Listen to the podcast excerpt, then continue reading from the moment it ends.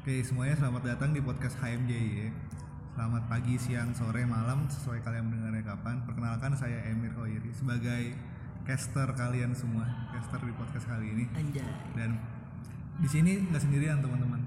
Ada orang spesial yang bakal menemani podcast hari ini dengan pandangan-pandangan yang luar biasa nih. Bisa memperkenalkan dulu ya abang satu ini.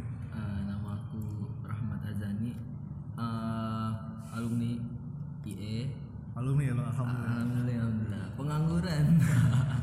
Udah alumni berapa hari ya bang? Udah berapa ya? Tanggal 12 sih gue wisuda. Berarti alumni udah berapa hari tuh? Sekarang tanggal 17 berarti baru lima hari. ya? Baru lima hari. Cuman nganggur udah 6 bulan juga sih. Iya. Jadi di sini ada Rahmat Azani sebagai alumni mahasiswa IE 2015. Dulu sempat aktif juga di himpunan ya. Enggak juga sih. Mampus sama ngomong apa lu? Iya iya ya. Berapa Sempat kali jadi- beberapa kali jadi staff di himpunan. Dua tahun ya. Dua tahun. Pengalamannya banyak lah. Enggak di staff staff doang. di staff staff doang. Zamannya siapa ya? Berarti gue zamannya Bang Arif Hah? sama Bang Fikri tuh. Eh kalau Bang Fikri dengar halo Bang. Rindu banget gue malu Bang. Di sini eh, sama Bang Jani ini pengen ngomongin perihal berdinamika di kehidupan kampus gimana nih Bang? Soalnya Bang Jani kan udah udah lumayan banyak nih pengalamannya di kampus, di luar kampus dan sebagainya. Nah, coba pengen ngomongin nih, kira-kira menurut pandangan Bang Jani sendiri apa sih yang harus dilakukan mahasiswa selama di kampus biar gak nyesel kemudian hari ya? kuliah sih. ya yang pertama harus lu lakuin ya kuliah kuliah lu kerjain tuh tugas-tugas dari dosen tuh kalau nggak lu nyesel ntar nilai lu eh ya kan? Bener kan? Tapi di luar itu ya kayak lu kan punya dikasih kesempatan nih akal pikiran nih. Kuliah. Sementara lu kuliah itu nggak diatur kan nggak kayak waktu SMA semuanya udah udah urusan urusan lu pribadi nih. Mau lu jadi apa kayak mau lu ngerjain apa kayak udah urusan lu pribadi. Tapi masalahnya kan waktu lu kuliah banyak banget nih lembaga atau organisasi atau apalah yang bisa lu kerjain yang bisa nunjang kehidupan lu. Entah nanti lu setelah kuliah atau pas kuliah. Itu lu mending lu jalanin. Kayak misalnya lu ikut himpunan atau kalau di universitas ada apa lagi kayak ISEC semacam-macam gitu atau ikut ya lembaga di luar lah yang bisa nunjang hidup lu. Karena gimana ya? Gue ngerasain gitu waktu udah kuliah. Gue kadang agak malas juga sih ngikutin organisasi begituan. Maksudnya gue terlingkup di di dalam kampus doang kayak HMJ doang segala macam ternyata waktu gue ngeliat temen-temen gue yang udah tamat juga nih bareng nih sama tamat tapi kita beda beda wadah nih. Di wadahnya berani ngambil di luar sementara gue waktu itu mungkin malas untuk ngerjain kayak gitu. Ternyata emang waktu dia after graduate itu malah jadi lebih berguna bermanfaat. Gue nggak bilang di dalam kampus yang nggak bermanfaat tapi ada potensi lebih yang bisa lu gali kalau lu mau manfaatin hal-hal kayak gitu sementara kan gue kemarin kayak ya kenapa nggak gue lakuin sih A, A B C D? Sementara kalau gue lakuin bisa potensi banget nunjang banget setelah gue lulus gitu. Dan itu gue gue lihat dari teman-teman gue yang ngelakuin hal-hal yang baik lah. Maksudnya yang bisa nunjang potensi dia selama dia kuliah yang akhirnya bermanfaat juga kan untuk dia setelah selesai. Dan ya benar kira gue sampai sekarang nganggur. Enggak, enggak. Sih emang gue lagi ada proyekan dosen aja Iya, menarik Bang. Jadi Gak menarik Mir, gue nganggur gak menarik Apanya yang menarik? Menarik apanya? bukan nganggur ya Bang, yang Oh, menarik. Tapi cerita lu tadi gitu, Gak perihal bukti lu senyum senang kan lu gue nganggur ya? gue sedih Bang gini. Gak ada orang sedih senyum kayak lu gak ada Iya, iya. Jadi uh, perihal ini Bang ya. Gimana kita memanfaatkan potensi yang ada ya?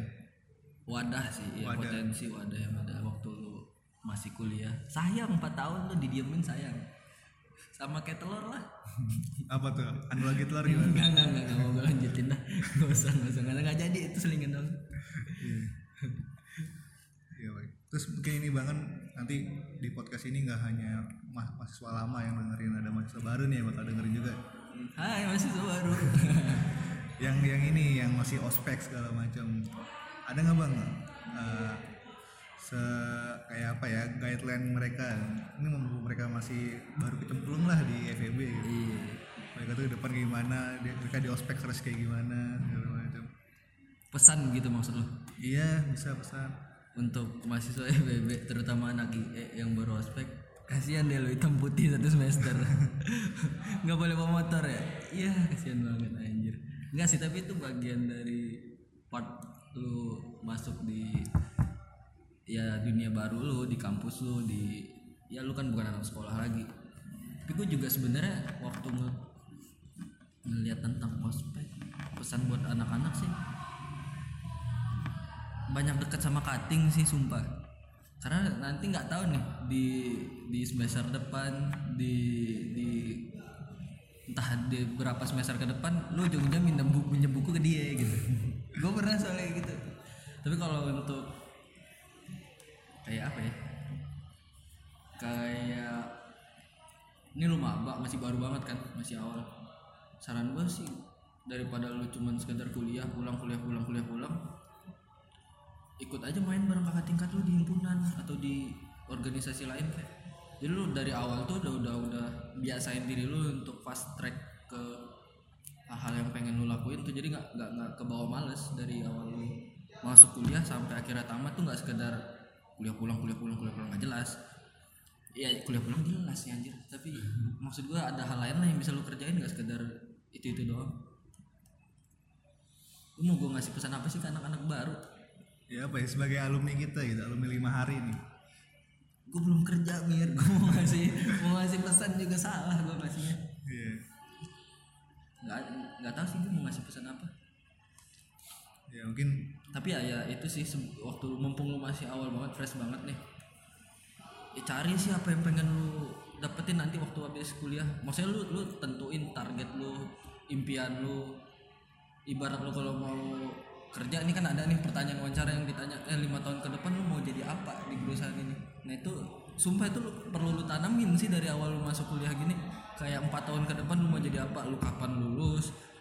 Apa yang bakal lu kerjain dari awal sampai nanti akhir lu lulus sampai kayak part-part kecil di antara jeda-jeda kayak gitu tuh. Jeda-jeda sebelum lu lulus apa sih mau kerjain? Ya lu tentuin dari sekarang karena tujuan tujuan hidup lu ya jangka panjang kan. Nggak nggak di empat tahun nanti lu mau ngapain. Gue pernah ingat nih kata-katanya Anies Baswedan nih. Ini bukan politik ya. Kuliah itu tempat paling enak untuk belajar berenang istilahnya karena lu berenangnya itu di kolam. Terukur nih. Arusnya masih bisa lu takar. Gelombangnya masih bisa lu takar.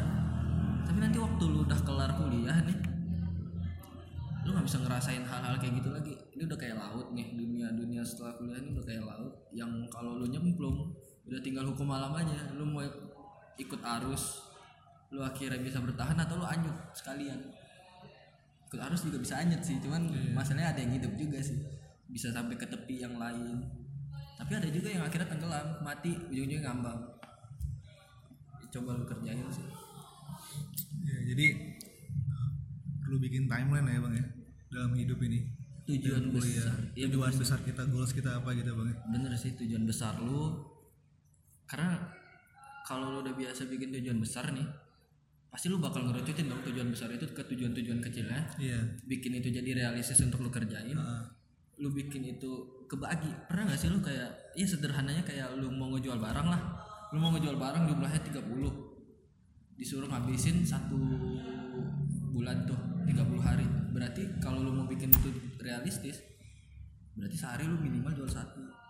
Nah sama kayak lu mau ngejual mau ngejar cita-cita lu lah atau dream lu yang paling gede di hidup lu ya udah lu bikin itu lu tanam itu lu tulis kalau bisa tuh di dinding kamar lu atau segala macam lu kerjain lu bikin part-partnya. Kapan lu harus ngakuin itu? Kapan lu harus nyari step-step lain untuk sampai ke situ? Kerjain aja walaupun itu mini- minimal. Gitu jangan takut sih kalau gue mikirnya. Ya gue juga orangnya takutan awalnya. Maksudnya waktu kuliah mau ngerjain A B C akhirnya takut. Kayak aduh ntar orang ngomong apa ya kalau gue ngerjain ini? Ntar gue bisa nggak ya? Setelah gue pikir-pikir kayak ngeliat teman-teman gue yang udah ngerjain hal-hal yang harusnya bisa gue kerjain malah gue nyesel sendiri lah dia aja yang awalnya nggak mau nggak bisa. Setiap kali ada diminta A B C kira dia mau ngerjain. Akhirnya Bisa jadi- ya? bisa. Jangan takut sih bodo amat sama kata orang.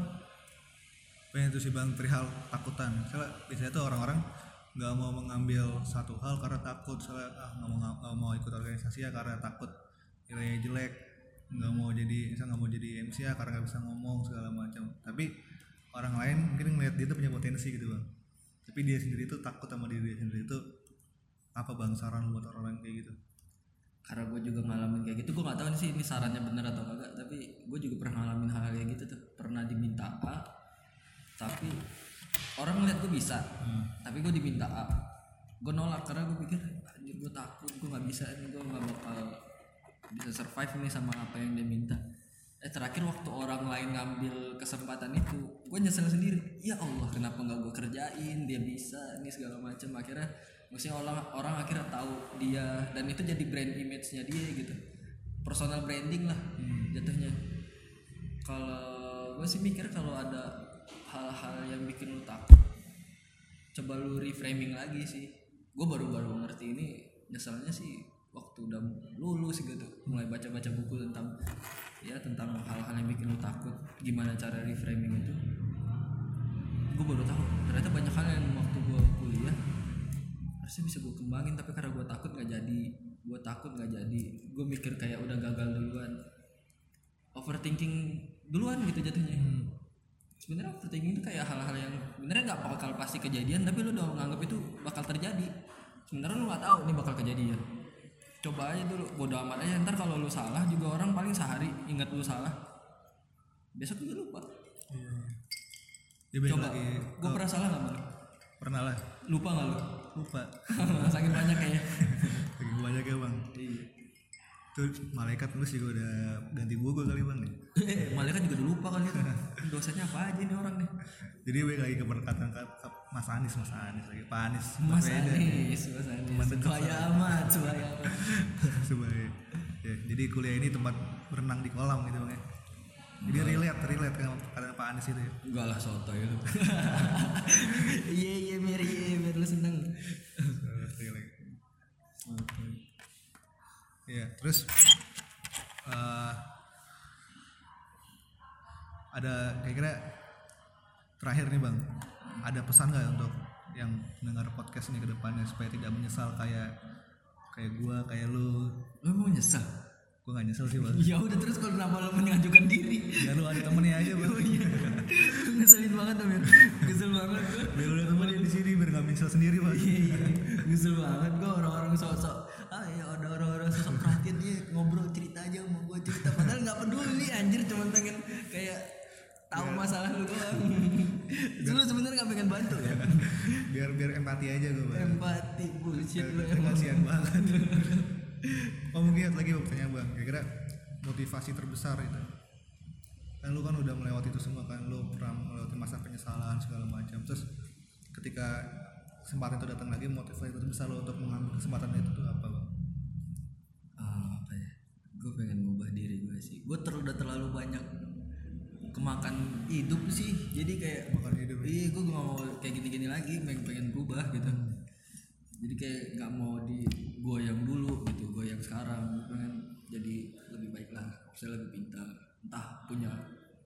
skill di bidang tertentu gue jadi expertnya gitu. Gue kepikiran tuh hal-hal kayak gitu. Sampai pernah tuh gue di kelas eh di kelas di kamar tuh gue tulis tuh gue pengen jadi apa. Gue tulis gue jabarin jangka waktunya satu tiga sampai lima tahun tuh. Sampai sekarang gue simpen di hp kira kalau gue mulai down mulai kayak nggak pengen ngejar itu lagi kayak gue ingat lagi ada ada tujuan yang mau gue capai tapi lu masa kayak gini-gini aja sih mumpung kayak lu misalnya kayak maba nih ya udah kerjain. Mumpung masih panjang banget tuh tracknya. Nggak nggak nggak perlu lu takut lah ngerjain sesuatu. Gue pernah ketemu siapa ya? Tunggu. Gue pernah deh gue ketemu siapa siapa lalu waktu jadi kahim gimana? Apanya? Awalnya. Lu ragu gak atau emang udah udah udah yakin mau jadi kahim yakin banget gue bang. Gue raguan sama lu masalahnya waktu itu. Sumpah. Gue orangnya pede banget bang. Pede ya? Nggak sih. Ra- keraguan sih ada pasti di dalam hati gitu loh soalnya nggak pernah kan men- menjual diri kasar kan kan Iya, berkampanye segala macam menjual diri itu belum pernah. Ini kayak pengalaman pertama menjual diri tuh kayak gimana Ya, gitu. gimana? Akhirnya menang ya? Akhirnya menang gitu. Terus akhirnya kayak ke depan mau ngejual diri lagi nih. Gitu. iya. Lu pakai susara sih kemarin. Jangan diomongin bang. Udah bang. Udah ya? ntar digugat aja. Oh, gila lu aja bisa akhirnya jadi kahim gue nggak pernah kebayang lu jadi kahim ya jangan dibayangin makanya Iya makanya Dilakuin, iya. iya, dilakuin. Nah bener dilakuin jangan dibayangin. Eh tapi perlu di, di direncanain dulu dong. Ah. Soalnya emang nggak nggak nggak pernah kepikir gue lu jadi kahim. Lu pendiam, ya enggak? iya sih bang itu kan ada perubahan lah dalam hidup ya. Iya, akhirnya gue yang jadi podcasternya nih, gue yang wawancari Emir. kebalik ya. Kembali. lalu yang nutup deh. Iya, ini gimana tuh terus? Lu jadi pendiam akhirnya milih. Ya pendiam akhirnya ikut organisasi dari semester awal segala macam. Terus udah ada kesempatan ambil terus PKHIM sekarang Iya, gue aja sumpah Mir. Nih ya, ini kalau lu mau nanya gue jujur, gue aja nggak tahu kalau lu ada di kampus tuh gue nggak tahu, gue nggak tahu ada lu itu anak FEB itu gue nggak tahu. ini dari gua anak FEB sejak kapan? Iya, gue tahu lu anak FEB itu semester 6 aduh Makanya gue lihat nih orang anak FEB bukan sih. Gue ngira lu cuman main di secret doang, gak ada temen dari temen di secret tuh habis lu kayak mundar mandir gue kira tuh awalnya gitu karena lu nggak kedetek kayak kuman lu kayak kuman gak kedetek tahu-tahu bikin penyakit aja emang gue bikin penyakit Enggak kan kuman, kuman, kuman. Akhirnya jadi kahim gila salut banget gua maluin. Udah lah Seneng gak lu? biasa aja sih bang amanah soalnya amanah Amanah. amanah berat Terus udah mau lecture gini ada ada yang lu nyesel gak? Lu tadi kan nanya gua nih masalah nyesel nyesel. Lu ada yang lu nyesel gak? ini mesti gue kasih tau sekarang nih Kasih tahu dong. Kasih tahu. ada nggak ada sih nggak ada yang nyesel soalnya gue ngerjainnya dengan suka hati Tadi lu sebelum podcast ngomong ada yang nyesel. Lu jangan bohong dong. gue nggak nyesel itu Lu itu gak nyesel. tapi pintu gue baru kebuka jadi kayak harusnya kayak adalah inovasi-inovasi yang sebenarnya di himpunan ini bisa dijalankan Terus nggak lu jalanin di awal. nggak gue jalan di awal karena belum kepikiran gitu Nyambung lah dua periode. ya jaga susah dua periode. Susah. Kira-kira kalau lu kerjain sekarang emang nggak bisa? waktunya nggak nutut jadi berapa lama sih butuhnya berapa lama berapa lama enggak gue gue nanya dulu berapa lama butuhnya sebenarnya ad- ada beberapa hal yang udah jalan di periode ini tapi lihat kayaknya lebih cocok kayak gini deh konsepnya kayak gitu loh. Jadi ini bisa buat saran di tahun depan. Jadi buat cakahim cakahim sabi lah. Siapa itu? Rahasia lah. Rahasia ya. Gue tahu. Lu kan udah ngomong tadi sebelum podcast. Ya, jangan ngasih siapa siapa ya. Iya. Berarti tuh mau lu kerjain tuh nanti ngasih buat kahim. Iya butuh kayak saran nanti. Saran kesimpulan saran iya udah ada metode lagi metode laginya. Metodologinya kayak gitu sih bang. Udah nih balik lagi gue yang caster lu direct lu ada nggak bang pesan pesan terakhir nih sebelum kita tutup podcastnya buat pendengar setia? Untuk panitia ospek sih. Gue dari kemarin dongkol banget sama panitia ospek. Ada apa tuh terutama ospek fakultas. Nggak tahu ya ini masih masih berlangsung atau enggak ya di ospek fakultas? Gue waktu maba tuh ingat banget nih waktu maba kita disuruh datang ospek. Lu zaman dulu ya juga nggak? Datang. Datang ospek ya fakultas ya? Iya, ospek fakultas tuh disuruh datang katanya kalau lu nggak datang nggak dapat sertifikat. Ya nggak? Ya lu zaman lu ya aja iya kayak gitu juga ada Nah kayak gitu tuh ngomongnya. Gila manis banget tuh mulut dalam hati gue Terus waktu gue kompre tuh Ingat banget tuh gue kompre Gue masih ingat syarat-syarat kompre tuh masih ingat gue Sampai gue ngumpul syarat kompre mau skripsi tuh nggak ada. Sertifikat ospek tuh nggak dipakai Gue nggak tahu nih couple ospek gue dulu siapa namanya nggak tahu. Cuman bohong gitu jadinya bohong. Cuman pengen gue datang doang dalam hati gue gue nggak tahu tuh bohong atau enggak ya. Tapi waktu gue waktu gue tahu ini sertif nggak dipakai segala macem gue mikir kayak anjir cuman bohong doang nih orang.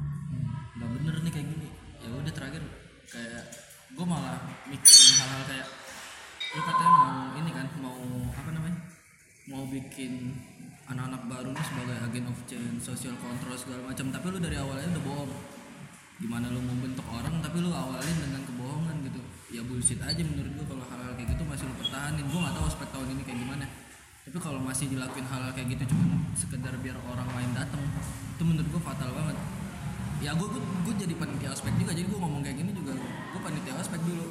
Kapalnya malah keren gak biasa aja. Biasa aja. Ya makasih mbak. Terus ada lagi nggak bang itu doang sih. Gue cuman lebih ke lu lebih jujur aja sih sama hal-hal yang ada di kampus gitu.